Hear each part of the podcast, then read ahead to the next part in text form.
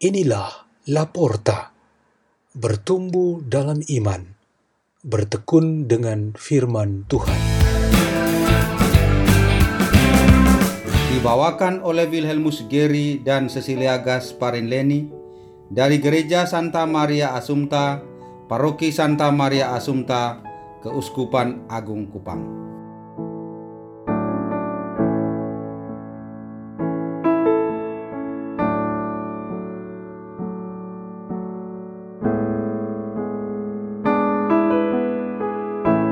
Bacaan dan renungan Sabda Tuhan Hari Rabu Pekan Biasa ke-24 15 September 2021 Peringatan Santa Perawan Maria Berduka Cita.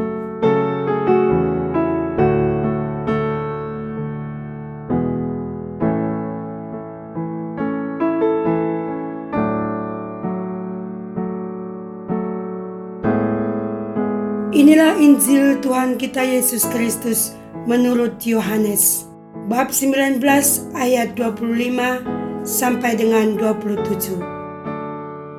Waktu Yesus bergantung di salib, di dekat salib itu berdirilah ibu Yesus dan saudara ibu Yesus, Maria istri Kleopas dan Maria Magdalena.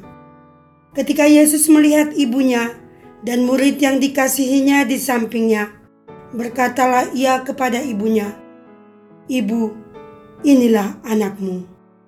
Kemudian katanya kepada muridnya, inilah ibumu. Dan sejak saat itu, murid itu menerima ibu Yesus di dalam rumahnya. Demikianlah Injil Tuhan.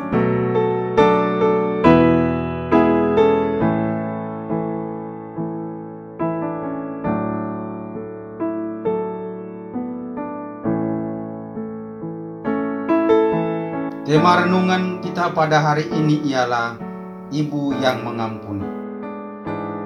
Pengalaman duka Maria sangat berkaitan dengan salib penderitaan Yesus Kristus.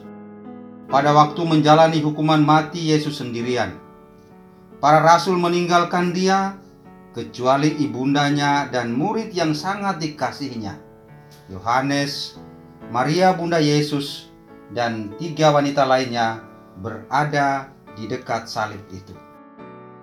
Di kaki salib itu, Maria mengalami puncak kedukaan, yaitu kematian putra yang telah ia lahirkan.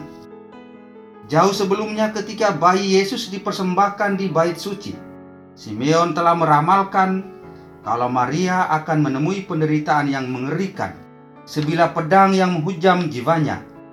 Selanjutnya ia sungguh menghayati hidup dengan menderita bersama Yesus hingga akhir di Golgota. Banyak yang menyebut Maria sebagai seorang martir dalam roh. Tetapi Maria tidak kalah dan menyerah dengan duka dan kehilangan yang dialaminya. Karena iman dan harapannya ditopang oleh iman kepada Allah dan kasih kepada putranya.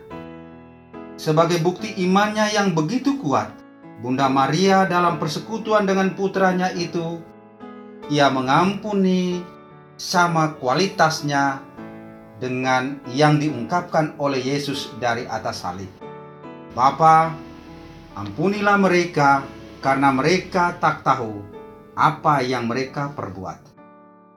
Dari atas salib juga Yesus memandatkan ibunya untuk mengadopsi semua pengikutnya segala saman yang diwakili oleh murid yang dikasihi itu. Maka Maria patuh pada tugas itu untuk menerima semua orang, termasuk orang-orang yang berdosa berat menghukum mati Yesus, sehingga mereka diampuni, disadarkan, dibawa kembali kepada kebenaran.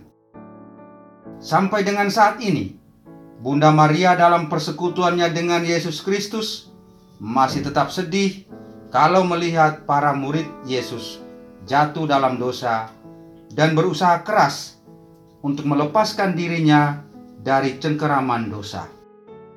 Ulah mereka itu jelas mendatangkan derita dan sakit pada tubuh Kristus, yaitu gereja yang ternoda. Jika sebagian anggota gereja berdosa dan berbuat jahat, tentu sangat mempengaruhi anggota-anggota lainnya. Tetapi lebih daripada bersedih dan berduka, Bunda Maria dari hatinya yang pengampun meminta Yesus Kristus untuk mengampuni dan menobatkan mereka.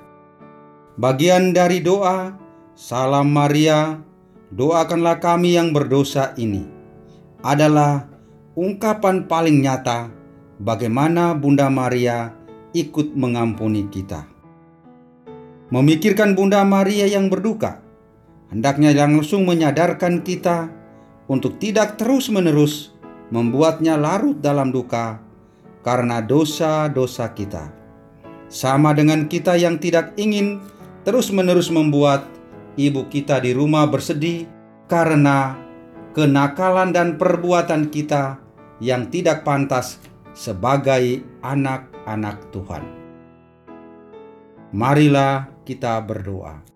Dalam nama Bapa dan Putra dan Roh Kudus. Amin.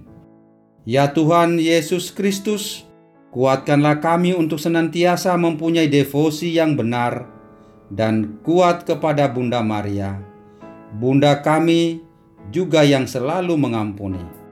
Salam Maria penuh rahmat Tuhan sertamu, terpujilah engkau di antara wanita, dan terpujilah buah tubuhmu Yesus.